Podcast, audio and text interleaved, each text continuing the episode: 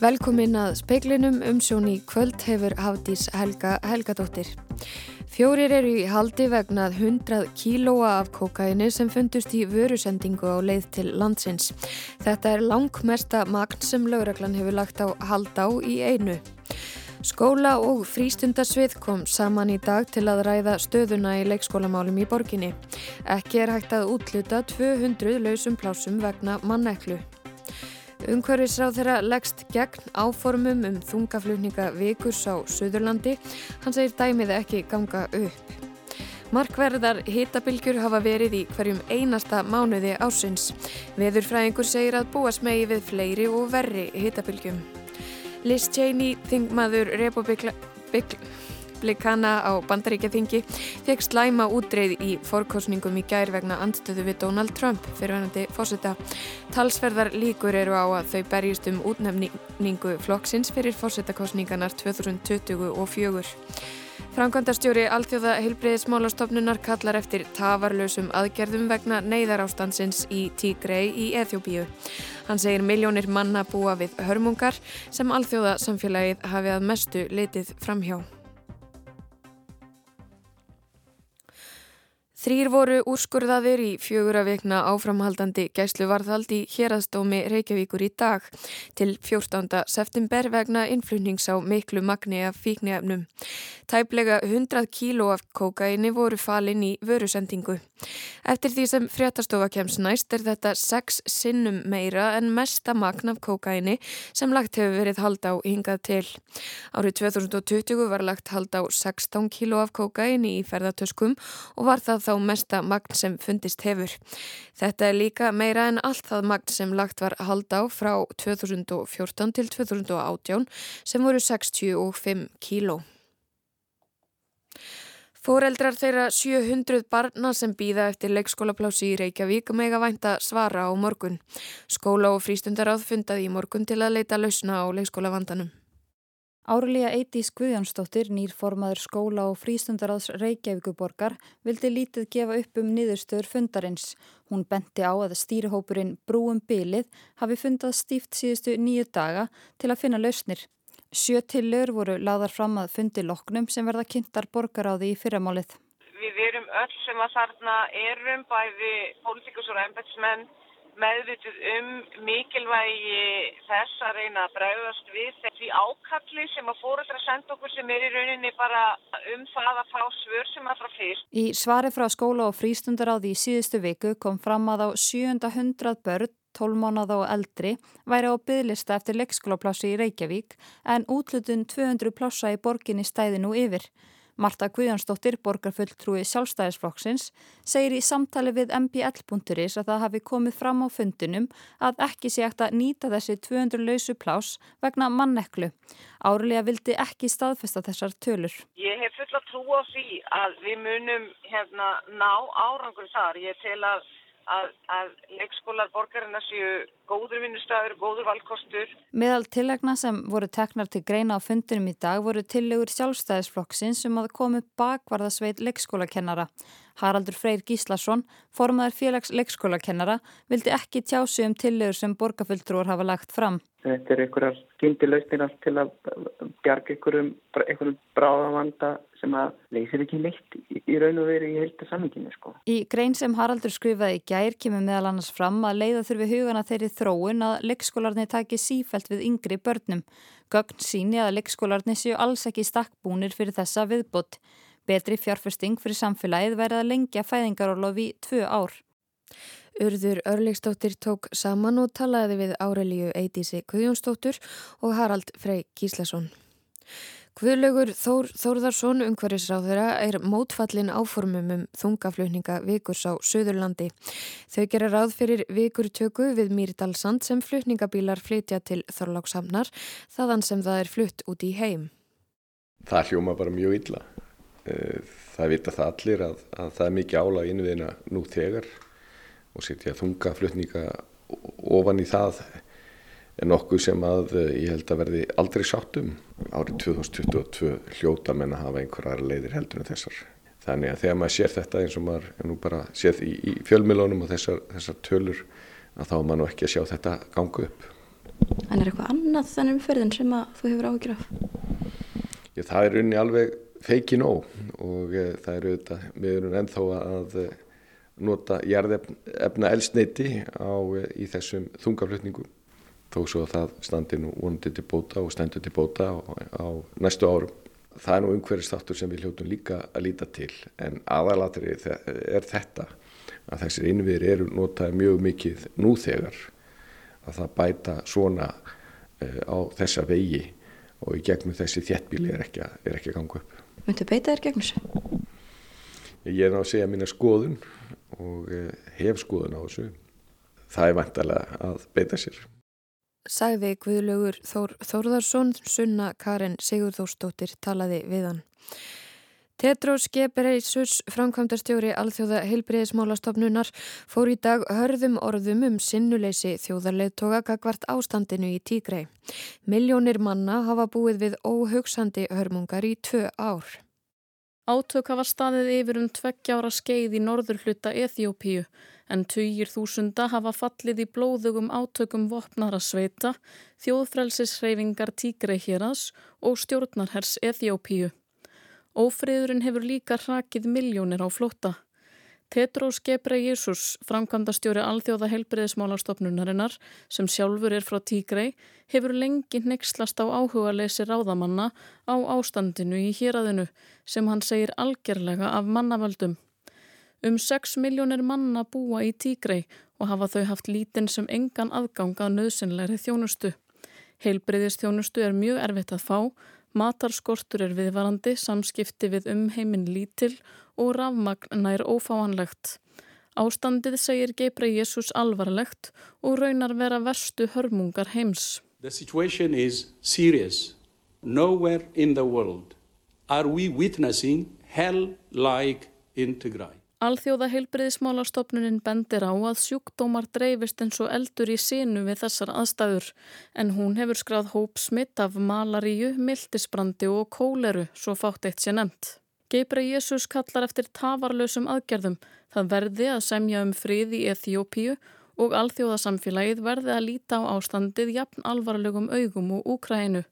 Áhuga leysið stafi af kynþáttafordómum. Hann segist ekki hafa heyrt minnst á tígra í mánuðum saman þá sérstaklega sér þögnin þrúandi í hinnum vestræna heimi. Ólöf Rún Erlendstóttir tók saman. Fluglita kóði vegna Grímsvatna er orðin græn aftur eftir að hafa verið breytt í gulan fyrir þessu mánuði. Þá mældist óvenjulega mikil jarðskjáltavirkni í Grímsvötnum og stæstiskjáltin var 3,6 að stærð. Við líka virkni hafði þá ekki mælst í Grímsvötnum síðan í desember í fyrra og náttúruvár sérfræðingar veðurstofu Íslands fóru að fylgjast grant með gangi mála. Síðan þá hefur virknin þó minkað til muna og fluglita kóði vegna svæðisins hefur verið uppfærið verður í samræmi við það. Fluglita kóði veðurstofu Íslands vegna eldkosa hættu er nú grætna á öllu landinu nema vegna öskju þar sem hann er gulur og vegna Reykjanes skaga þar sem hann er appelsínu gulur. Liz Cheney, einn valdamesti þingmaður republikana flokksins á bandaríkjaþingi, náði ekki kjöri í forkostningum í Wyoming í gær. Eindregin andstaða hennar við Donald Trump, fyrvarandi fórseta, var til þess að mótæri hennar sigraði hana með miklum yfirbyrðum. Trump fagnaði því að dagar Liz Cheney væru taldir á hinnu pólitíska sviði en óvist er að svo spá hans rætist. Engum kom á óvart og sísti Liz Cheney sjálfri að hún skildi lúta í lægra haldi fyrir Harriet Heikermann, lagmanni, sem bauð sig fram á móti henni. Nýðurstaðan varð svo að Heikermann hlautu tvo þriðju hluta atkvæða og Cheney eitt þriðja. Hún hefur settið á þingi í sex ár, var um tíma þriðji valdamesti þingmaður republikana flokksins í fulltrúadeildinni og vaksandi stjarnar innan hans. Hún stutti Donald Trump í flestu meðan hann var fórseti en lísti yfir eindreginu anstöðu við hann þegar hann neytaði því að hafa tapað í fórsetakostningunum og reyndi með þó nokkuð góðum árangri að telja stöðningsmönnum trúum að sigrinum hefði verið stólið frá honum. Þá fordæmdi hún þáttu Trumps í árásinni á þinghúsið í Washington 7. janúari fyrra og tók sæti varaformans í þingnemnd sem rannsakar árásina. Fyrir bragðið snerist Trump og stuðningsfólk hans gegn henni af fullum þunga. Einu gildi þótt fadirinnar, Dick Cheney, fyrirverandi varnarmálar á þeirra og var að fórseti bandaríkjana, lísti yfir stuðningi við hana í sjónvarpsauglýsingu þar sem hann fór hörðum orðum um Donald Trump. Dick Cheney sagði að aldrei í 246 ára sögu bandarísku þjóðarinnar hefði nokkur maður komið fram á sjónarsviðið sem væri jafn alvarleg ógn við líðveldið. Hann reyndi að stela sigrinum með ligum og ofbeldi eftir að kjósendur höfnuðunum, sagði Cheney og bætti við. Hann er hugleysingi, almennilegur maður myndi aldrei ljúa að stuðningsfólki sínu. Hann tapaði kostningunum og fekk harðan skell. He tried to steal the last election using lies and violence to keep himself in power after the voters had rejected him. He is a coward. A real man wouldn't lie to his supporters. He lost his election and he lost big. Þessi harða ádeila harðlínumanns í republikanaflokknum hafði greinilega ekki teljandi áhrif á stuðningsfólkflokksins í Wyoming. En það var svo sem engan bilbug að heyra á Liz Cheney þegar hún ávarpaði sitt fólk í Jackson í Wyoming í gerkvöld. Hún myndi á að hún hefði á sínum tíma unnið þingsætið með glæsibrag og hefði auðveldlega getað endur tekið leikinn ef hún hefði verið áfram í liði með Donald Trump og tekið þátt í að dreifa legum um úrslitt fórsetakostningarna 2020. Við verðum að gera okkur alveg ljóst frammi fyrir hverju við stöndum og hvernig við getum sigrast á því, saði Liz. Ég hef sagt það frá 7. janúar eða ég ætla að gera allt sem í mínu valdi stendur til að Donald Trump komist aldrei eftir nálagt fórsetaskrifstofinni og ég meina það. We must be very clear-eyed about the threat we face and about what is required to defeat it. I have said since January 6th that I will do whatever it takes to ensure Donald Trump is never again anywhere near the Oval Office, and I mean it. Harriet Heikemann, þingmannsefni republikana í Wyoming, er reynslulös á hennu pólitíska sviði en hafði betur þar sem Donald Trump líst yfir eindregnum stöðningi við hana. Hún og Liz Cheney eru gamlar vinkonar og voru báðar í liði með Trump fram að árás stöðningsmanna hans á þinghúsið í Washington. Hún stutti til dæmis Cheney þegar hún háði kostningabaróttu fyrir þingsætinu í Wyoming árið 2016 en það urði vinslitt fyrir tveimur árum. Þegar Heikemann tilkynnti að hún gefi kost á sér gegn Cheney sendum frá sér yfirlýsingu. Þar sagði hún að Cheney hefði með því að taka þátt í að draga Trump til ábyrðar, svikið Wyoming, svikið landsitt og svikið hanna, gömlu vinkonuna. Harriet Hegemann dró enga dul á hverjum hún ætti að þakka sigurinn í forkostningunum þegar hún ávarpaði stuðningsfólk sitt í Cheyenne í gerkvöld. Að sjálfsögðu þökkum við Donald Trump forsetta sem veit að Wyoming á aðeins einn þingmann í fulltróðdeldinni. Skýr og óbílandi stuðningur hans frá upphafi tryggð okkur sigur í kvöld. Obviously we're all very grateful to President Trump who recognizes that Wyoming has only one congressional representative and we have to make it count. Donald Trump óskaði Harriet Hegemann til hamingju með sigurinn í gerkvöld. Hann fagnaði því að framta dagarlist Cheney á hinnu pólitiska sviði væru taldir. Bradley Blackburn, frettamæður hjá CBS, sagði í dagi viðtalið við Breska ríkisútvarpið BBC að niðurstaðan síndi að republikanaflokkurinn hefði að meira eða minna leiti snúist á sveif með Donald Trump.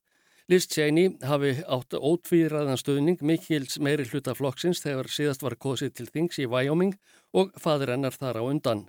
Bradley Blackburn benti einni á að Trump væri aðeins og fljótur á sér að fagna. Hann myndi á að Liz Cheney sæti áfram á þingi þar til í janúara næsta ári. Þar situr hún áfram í þingnemdini sem rannsakar árás stuðningsfolks Trumps á þinghúsið og hún hefur tilkynnt að yfirherstur haldi áfram í haust. Jáframt myndi Blackburn á að Cheney hefði sagt þegar hún ávarpaði stuðningsfolk sitt í gerkvöld að vinnanemdarinnar væri í raun og verið að hefjast fyrir alvöru. Já, framt hefðu stuðningsfólk hennar gefið sterklega í skinn að Liz Cheney hefði í huga að gefa kost á sér í fórsetakostningunum 2024. Það rætt hún eftir að etja kappi við Donald Trump ákveði hann að gefa kost á sér að nýju. Her allies were signaling that she may launch a 2020 or may consider a 2024 presidential bid and that would have her directly facing Donald Trump in a primary if he does decide to run. Á það hefur verið bent í bandarískum fjölmiðlum í dag að Liz Cheney eigi að líkindum meiri stuðnings að venda meðal republikana á landsvísu en niðurstaðan í Wyoming síndi. Margir séu búin að fá nóg af Trump og því sem kallað er Trumpismi þar vestra. Og eins og Dick Cheney benti á er dóttir hans baróttukona sem beigir sig ekki svo glatt gegn andstæðingum sínum. Ásgeir Tómasson tók saman.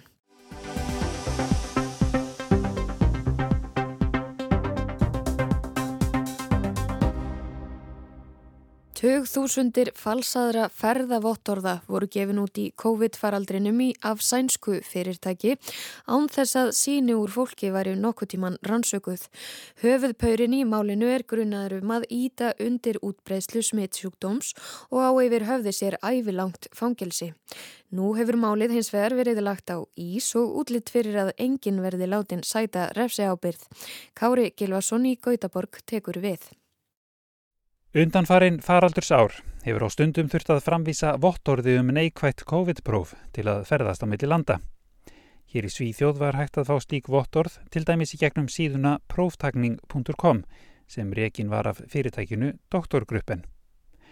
Þar var fólki lofað vottorði innan 6 klukkustunda frá því að það kæmi í sínatöku.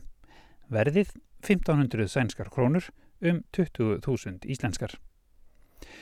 Doktorgruppen fjekk til sín fjölda fólks, tugi þúsunda, en svo virðist sem sínin hafi aldrei verið rannsökuð. Vottorð um að fólk væri ekki með COVID voru bara gefin út á færipandi. Í júni fyrra lokaði laurugla svo sínatökustuðunum og hann tók þrjá forsvarsmenn fyrirtækisins. Talið er að starfsmenn fyrirtækisins hafi gefið út um 35.000 fölsuð vottorð og eigundunir þjánað jafnverði mörg hundruð miljóna íslenskara króna á sveikunum. Saksóknar í málunu, Alexandra Bittner, sæði sænska ríkisónarpunu að mennirnir að baki sveikamilunni hafi tekið meðvitaða ákvörðunum það, í miðjum heimsfaraldri, að maka krókin á því að falsa vottorð. Det här är ju en verksamhet där man mitt under en pågående pandemi har bestämt sig för att tjäna pengar på förfalskningar och det är naturligtvis oerhört allvarligt. Rannsókmálsins hefur nú staðið yfir í rúmt ár og alls 25 verið grunaður um aðild. Forsvarsmenn fyrirtækisins neyta allir sög. Alvarlegast tekir að margir þeirra sem fengu fölsuð vottorð voru líklega með COVID þegar vottorðin voru gefin út. Hátt í 2000 hafa haft samband við lauruglu og sagt að þau hafi verið með enginni og jáfnvel tekið próf annar staðar á seipuðum tíma sem voru jákvæð. Sumt af þessu fólki telur að það hafi smitað aðra af COVID. Sakamálaransóknun hefur því ekki aðeins beinstað neintum fjársveikum, heldur líka útgáfu falskra vottorða og því að íta undir útbreyslu smigtsjúkdóms. Saksóknari segir brotin stórfæld og geta þau varðað æfi löngu fangelsi. Það er bara eitt vandamál. Það næst ekki í meintan höfuðpaur í málinu. Hamad Al-Said er 34 ára læknir og viðskiptafrumkvöðull. Hann hefur komið víða við sem frumkvöðull innan sænska heilbriðiskerfisins. Fyrirtæki hans stopnaði og rak þrjár heilsugjastlustöðvar í nákrenni Stokkólms og hann var gestur í einum þekktasta spjallþætti Svíþjóðar hjá Malú. Þar kynnti hann vélmenni sem notað væri á heilsugjastlustöðvunum til að mæla blóðþristing. Í mars í fyrra var þessum heilsugjæslustöðum hins vegar lokað eftir að rannsókn yfirvalda leiti margskonar misferðli í ljós. Nokkru mánuðum síðar hófst rannsókn á meintri fölsun COVID-vottorða. En eins og áður segir næst ekki í mannin. Hamad al-Said fór frá Svíþjóð um það leiti sem málið kom upp í júni í fyrra. Hann heldur nú til á leinilegum stað einhver staðar í mið-austurlöndum Búið er að gefa út handtökuskipin á hendur honum í Evrópu, auk þess að hann er eftirlýstur alþjóðlega. Yfirvöld hér í Svíþjóð telja þó litlar líkur á að það tækist að hafa hendur í hári hans. Fréttamönnum Sænska ríkisónarpsins tókst hins vegar að hafa upp á honum í sumar og í sjónvarsviðtali á dvalarstað sínum saðist hann saklaus. Hann hafi farið úr landi vegna hótana sem sér hafi borist eftir að málið komst í hámæli. Och jag lämnade Sverige dels på grund av att min bild och eh, namn ute på tidningen. Jag fick tusentals samtal, hot. Hamad al-Said sagðist ekki sjá fyrir sér að snúa nokkuð tíman aftur til Svíþjóðar. En vegna þess að nú næst ekki í hann og vegna þess að allir aðrir sem hafa sætt rannsókn vegna málsins benda á hann sem höfðpör, þá hefur saksóknari ákveðið að setja málið á ís hætta rannsókn á öllum nema myndum höfðpör. Saksóknari telur einfallega ekki hægt að fara með málið fyrir dóm án þess að fjalla um mannin sem talinir hafa skipulattað frá grunni. Lauruglunni hefur ekki tekist að hafa hendur í hári hans og ekkert sem bendið til að það muni takast í fyrirsjónleiri framtíð og því er komin upp pattstaða. Hinnir sagbortingarnir sleppa við frekari rannsókn og þeir tveir sem auk læknisins eru grunaður um grófustu brotin að íta undir útbreyslu smíktsjúkdóms og umfangsmikið peningaþvætti, þeir sleppa líka. Þetta er Kári Kílosson sem talar frá Gautaborg.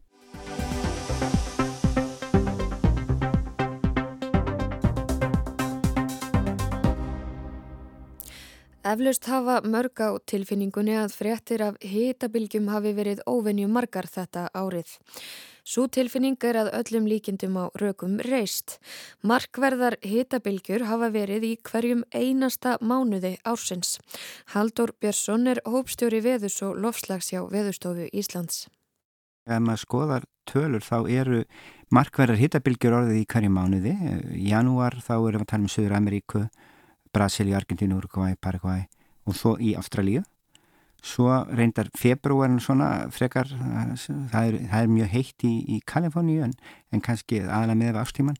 En síðan kemur mars og april, þá voru gríðalegir hittar á Índlandi og það var svona nánast ólíft veður á köplum og þetta hafði síðan áhrif á, á matvælaframbóð og við og hjálpaði náttúrulega ekki að þarna var að byrja stríð í Ukrænu sem hefur enn haft áhrif á matvælaframbóð líka en hérna þetta hjálpaði ekki Uh, aftur um mæ er, er mánuður með hittabilgu í bandaríkjónum en, en, en kannski ekki neitt sem að allir miklu tjóni.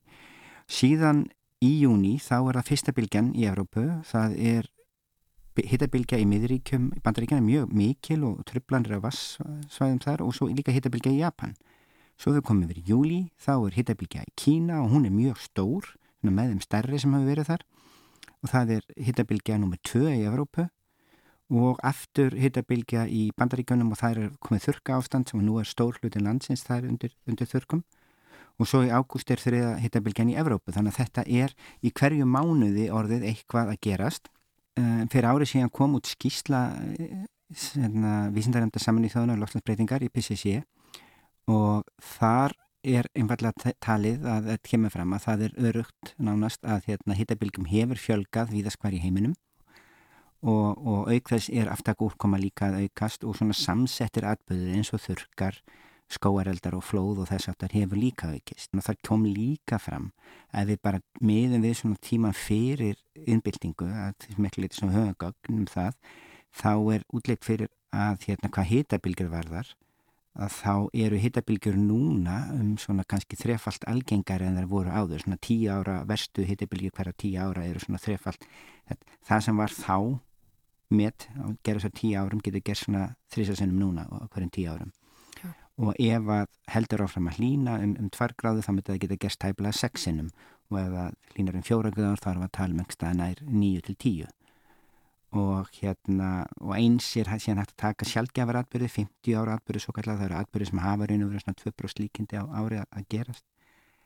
Og þá, þá kemur það sama fram sko að þeir eru núna miklu algengar að þeir voru og hérna miklu líklar að þeim voru. Og ef að hlínar um tvær gráðu þá verða það sko 14 sinnum oftar en þeir voru og svo framvegi sko. Þannig að atbyrðu sem gerðist kannski einu svona 50 árin getur farið að gerast bara hérna reglulega. Og, og það stafat alltaf af því að sko þegar að svona aftakatbyrði gerast þá, þá er um nýrveit með einhver mörg og segja hitti nær þessum mörgum á tíura fresti. Og svo bara einfallega hækkar allt aðeins og þá nær heitin þessi mörgum miklu, miklu oftar sko. Mm -hmm. En það verður þá einhver nýmörg sem gerast á tíu ára fresti.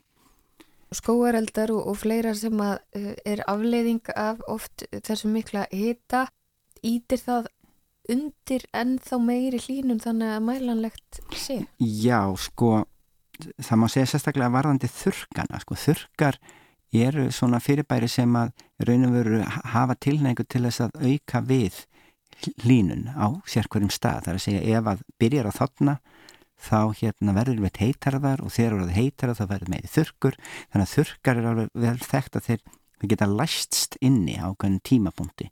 Og ef að svæði eins og í Ameríku fer yfir í, í, hit, í þurka snemma í hérna á árstíðan tímanum, snemma á sumrinu þá getur það varað allt sumari mjög öðveldlega og það er alveg, alveg vel þekkt.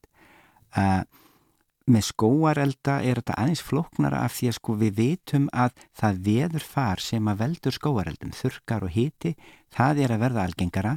hvort að skóaraldar kvikna er svo aftur annar mál, það verðist alltaf vera mjög auðvelt að það kvikni skóaraldar verið aðstæður eru fyrir hendi. Það geta verið bæði eldingar, ramakslínur eða fólk að fara ágætilega með eld. En aðstæðurnar eru að verða algengari og svo náttúrulega brennur mjög mikið og losnar mjög mikið af skói þá náttúrulega losnar líka 7-2 í leiðinni. Þannig að það sem við tölum aflut um er það upptaka kervisins því að nú er það þannig að lífriki tekur upp heil mikið af 7-2 yfir árið. Svo upptaka myndi minga að verða mjög miklu skóaraldar allavega tímabundið. Svo er það sama með flóð sko að flóð eru líka að verða algengari en flóð eru líka svona tengdir atbyrðu þar að segja kringumstæðarna sem að geta valdið þeim er að verða algengari en þegar að verða flóð í byggð þá er það mjög oft tengt einhverjum framkvæmdum eða einhverjum aðgerðum sem við höfum gert og, og þannig að það er atbyrðu sem er flóknar í eðli sínu heldur en bara viðfarið. Hvert sjáum við þetta uh, þróast? Sko ef að hlínun jarðar stöðvast ekki, sko, ef, að hlínun jarðar stöðvaðast núna þá erum við eftir sem áður með þar kringumstæður að atbyrðu sem að gerðust kannski einu svona tíu ára fresti nú farnar að gerast þrissar á tíu ára fresti eða hverjum tíu árum í, í hvað hittabilgjur varðar og svo framvegis. En ef að við stöðum ekki línunjarðar þá verður þetta miklu algengara. Þá erum við fann að tala um sexinum og, og nýju sinum og svo framvegis eftir hversu mikið línar þannig að hérna það er í raun og veru að sumuleiti sko er þetta ekkert sérstaklega það er ekki tilneitt sérstaklega jákvæðar fréttið því að tala akkurat um hittabilgjur af því að það er einfallega verða bara verri eftir því sem línar meira í heiminum verri og algengari En hvað segja nýjustu spárum í hvað stefnir? Saminuðu þjóðurnar og aðalda þjóður sem saminuðu þjóðuna hafa það markmið að takmarka náttúrulega línun við tvær gráður. Ef að það mark tekst, því að þá myndi hittabilgjurnar verða 5,6 um algengari og, og hérna úrkoman getur orðið eitthvað svona 70% algengari eða aftaka úrkoma og svo framvegis og það er raun og verið marki sem við erum að stefna á. Við þurfum hins að vera að sjá hversu vel það gengur. Það hefur nú ekki gengið neitt sérstaklega vel síðustu, síðustu árið. Og, og það er nú ímsu að kenna og meðal annars bara er eins og stendur heimsbyðin upptekin af stríði í Evrópu sem að hérna kemur auðvitað í veg fyrir mjög, mjög margt annað sem að mann gætu, margt þarfara sem mann gætu verið að gera. Er eitthvað að vita hvers konar kólefnisspor er af stríði sem þessu? Það er öruglega mjög mikið, ég bara hef ekki séð samantættan á því. Nei. Eh, ef við rétt svona, ekki erum sjálf hverfi í smá stund, eh, það hefur verið svolítið kvarta undan sumrinu hér heima, það hefur ekki verið nógu hlýtt og ómikil úrkoma að mista kvarti hér á höfuborgarsvæðinu. Helst þetta í hendur við þar sem er að gerast annars þar í Európu?